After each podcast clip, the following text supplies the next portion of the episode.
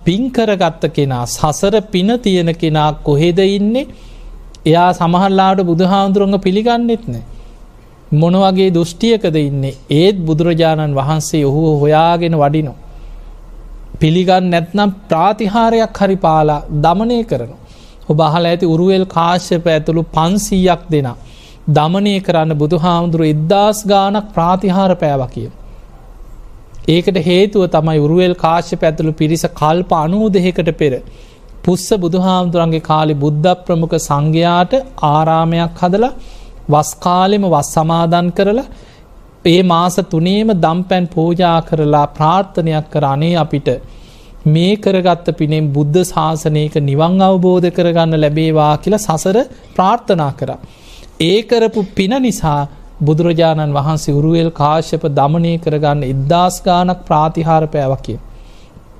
ඒ හැමවෙලේම උරුවල් කාශප හිතනවා මේ ශ්‍රමණය මහා බල සම්පන්න කෙනෙ ඒ වනාට ඉතින් මමනි රහත් කියලා හිතන.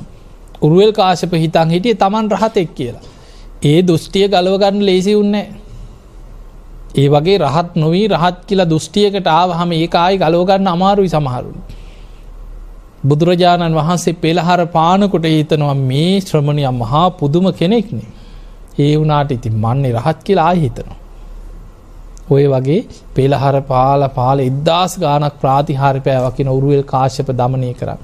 එතකොට කෙනෙකුට හිතෙන්න්න පුලන් ඉතින් ඔච්චර පිළිගන්න නැත්නම් ඇයි එච්චර ප්‍රාතිහාර පෑවි කියලා. අපි හිතන්න එහෙමනේ ඔයක පාරයි දෙපාරයි තුම් පාරයි ඔය අහන්න ඇති මිනිහට ඕන්නෙම නෑ කියලන අපි හිතන්නේනේ මොකට දෙච්චර නිකං බලෙන් කියන්න යන්න කියලා හිතනවා. ඒ අපිනේ මොකද අපිට මහා කරුණාවක්කත් අපිට එහෙම අනාගතය දකින නුවනක් අපිට නෑන අපි මොනුන්දනේ බුදුවරුන්ට පේනවා කල්ප ගණන් අනාගතය.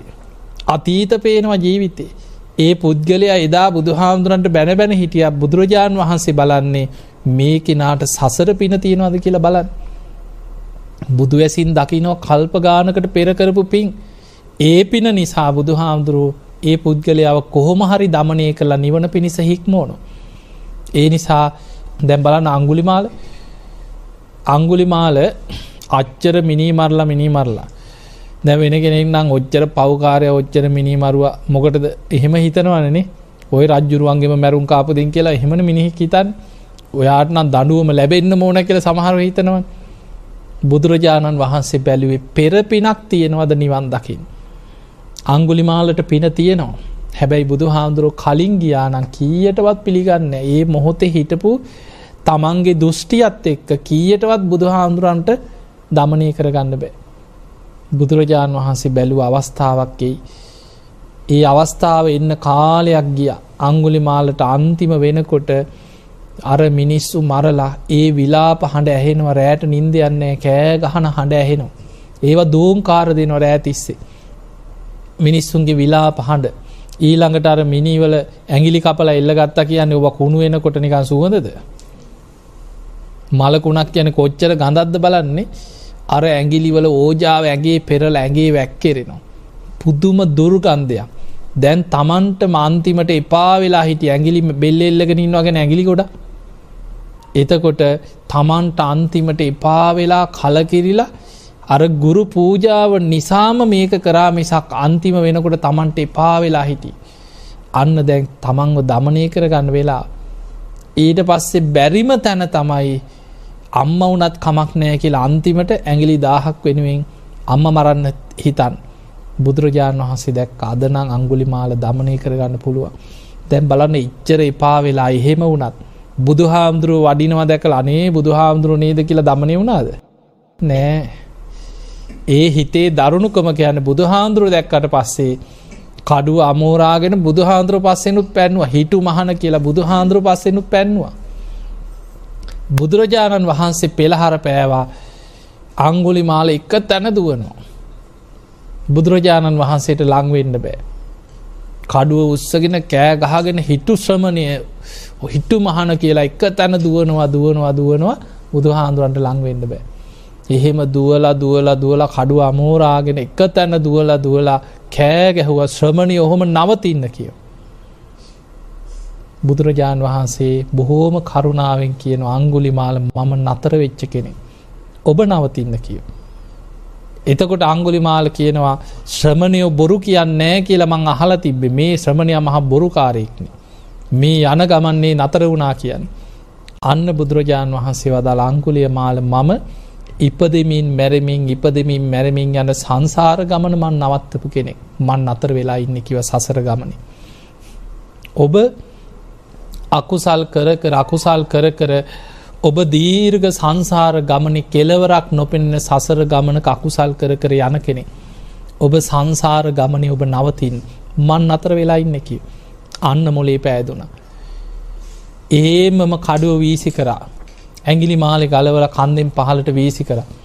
අනේ සාමීනී මට පිහිට වෙන්න කියලා වැඳ වැටුණා. හිතකොට බලන්න කෙනෙක් දමනය කරගන්නකොට බුදුරජාණන් වහන්සේ කොච්චරනම් පින් ඇති කෙනා දමනය කරන්න උත්සාහයක් ගන්නවද. ඒ නිසා පිංහතුනේ සසර පින තියෙන් ඕන නිවන් දකින්න. බුදු කෙනෙක් මුණ ගැහුණත් පින නැත්නම් අවස්ථාව මග හැරෙනවා. කොච්චර නම් බුදුරජාණන් වහන්සේ මුණ ගැහිල අවස්ථාව මග හැරිච්චා හිටියද. බුදුරජාණන් වහන්සේෝ දවසගානය ඇසුරු කරල අවස්ථාව මග ඇරිච්චා හිටිය ඔබහල ඇති කොසොල් රජ්ජුරු. රජකං කරන්න පින තිබ්බ. හැබැයි නිවන් දකින්න පින තිබෙනෑ බුදු හාන්දුරන්ගේ බණහල නිවන් දකින්න පිනනෑ රජකං කරා. එතකොට රාජ්‍ය පාලනය කරන්න රජකං කරන්න පින තිබ්බ. බුදුරජාණන් වහන්සේ මුණ ගැහෙන්න දවසට දෙතුන් වතාවෙනවා. රජ්ජුරුව ඉති බුදු හාමුදුර මුණ ගැහිනාවම අවස්ථාව දෙන බුදුරජාණන් වහන්සේක කතා බහ කළ වැඳල කරලා යනවා. හැබැයි සමහර වෙලාට බුදුරජාණන් වහන්සේ ගැන ගිහිල වැරදි විදිහටත් හිතනවා. එහෙම හිතපු ගමන් බැරි වෙලාවත් වැරදි දෙයක් කියපු ගමන් මල්ලිකාදේවී බොහොම සද්ධාවන්ත බිසවක් හිටිය. මල්ලිකාදේවි කියනවා හාහා රජතුමා එහෙම කියන්න එපා. බුදුරජාණන් වහන්සේ ඒ කාන්තයෙන් අරහන් සම්මා සම්බුද්ධයි විජ්ජාචන්න සම්පන්නයි සුගත ලෝකවිදූ අනුත්තරෝ පොලිස දම්ම සාරති රජතුමා හිත පහදවන්න කියලා රජ්ජුරුවන්ව නිවැරදි කරන. එතකොට බලන්න ඒ වගේ කොසොල් රජ්ජුරුවෝ බුදු හාමුදුරුව බුදු වෙලා අවුරුදු හතලිස් පහයි වැඩ හිටිය. ඒ අවුරුදු හතලිස් පහෙන් අවුරුදු විසි පහක්ම වැඩ ඉඳලා තියෙන සැවැත්නුවර. එතකොට ජීවිතයේ වැඩිම කාලයක් බුදු වෙලා වැඩහිටිය සැවැත්නුවර. ඒ අවුරුදු විසි පහෙන් වස්කාල දහනමයක් ජේත වනාරාමි වස්කාල හයක් පූරු ආරාමි. සැවැත්නුවර තමයි කොසොල් රජ්ජුරු පාලකයා. එතකොට රජ්ජුරුවන්ගේ ජීවිතයේ වැඩිපුරම බුදු හාමුදුරුවන් ඇසුරු කරන්න ලැබුණේ කොසොල් රජ්ජුරුවන්. රජ්ජුරුවන්ටම කියපු බණ ගොඩක් තියනවා. කෝසල සංයුක්තය කියලා දේශන ගොඩාක් තියෙන රජ්ජුරුවම බුදු හාමුදුරුව මුණ ගැහෙන් ඇවිල්ල අහපු කාරණාවට බුදු හාමුදුරුව විස්තර කරපු ධර්ම කාරණ. එහෙම වනාට රජ්ජුරුවන්ගේ සද්ධායවත් හරියට පිහිටන්න බැරි වුණා. දවසක් බුදුරජාණන් වහන්සේ එක් රජ්ජුරු ඇවිල්ල කතා කර කර ඉන්නකොට එතනින් යනවා නිගන්ටයෝ කීපදනේ වෙන තවසො ටිකක් යනවා. උපන් ඇඳුබෙන් යනවා නිගන්ටයෝ කීපදෙන බුදු හාමුදුර එක කතා කර කර හිටපු රජ්ජුරු එක පාට නැකිටලා ඒ පැත්තට හැරිලා ඔළුව නමල බෝම ගරු කරලා වැන්ද. වැඳලා බුදුරජාණන් වහන්සේගෙන් අහනෝ ස්වාමීනී අරගිය තාපසයෝ කීප දෙනා? ඔබහන්සේට වඩා වයෝවෘදයි ඔබහන්සේට වඩා වයසින් වැඩි මහල් ඇයි ඔබහන්සේ අයට ගරු කරේ නැත්ති කියලාහන. එතකොට හිතන්නක රජාගේ මොලේ කොහොමද කියලන බුදු හාන්දුරුව ඇසුරු කරත් බණහන්නාවත් මොලයත් තිබ්බද කියලා බලන්නකනේ ඉතිං හනේ මැරුණේ කාත් කවුරුත් නැතුව අම්බලමක මැරුණේ. රජකංකරත් කොසොල් රජ්ජුරුව මැරුණේ කාත් කවුරුත් නැතුව අම්බලමක. විඩෝඩව කුමාරයා තමන්ගේ කුමාරය රාජ්‍ය පැහැර ගනී කියන බයිට පැන්ල ගිහිල්ලා එදාරෑ අම්බලමක වෙවුල්ල වෙවුල්ල රාත්‍රී කවුරුත් නැතුව මැරලගිය. එතකොට පින් නැති කෙනාට බුදු හාමුදුරුව මුණ ගැහුණත් ඇසුරු කරන්න ලැබුණත්. බුදුරජාණන් වහන්සේ ඕක ලස්සන ගාථාවකින් පෙන්නුනා මහනෙන පින තියෙන කෙනා සත්පුරුසයා නුවන තියෙන කෙනා හරියට දිවක් වගේ කියන. දිවට හොද්දේ රස දිවේ තිබ්බ ගමන් හොද්දට හොද්දේ රස දිවට දැනෙනවා කියන. හැබැයි නුවන නැති කෙන හරියට හැන්ද වගේ කියන. හැන්ද කොච්චර හොද්දෙම දාලා හැඳිගගා හිටියත් හැන්දට දැයි නොද රස නෑනනේ හොද්දෙම දාගෙන හැන්ද ඒකෙම දාලා තිබ්බත් හැන්දට රස දැනන්න හොද්දේ රස දැනන්න හැන්දට. හැබැයි දිවට දිවාගේ යන්තන් තිබ්බ ගම රස දැන.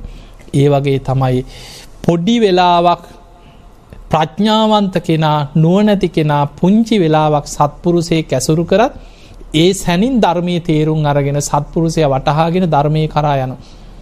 නමුත් බාලය යාව ජීවම්පිච්චේ බාලෝ පණ්ඩිතම් පයිරු පාසති. ජීවිත කාලෙම නුවනැති කෙනෙක් ඇසුරු කරත් බාලයට ඒක තේරෙන්නේ නෑ කිය. ධර්මය තේරුම් ගන්න බෑකින ඒ හරියට හොද්දෙ දාපු හැන්ද වගේ කිය.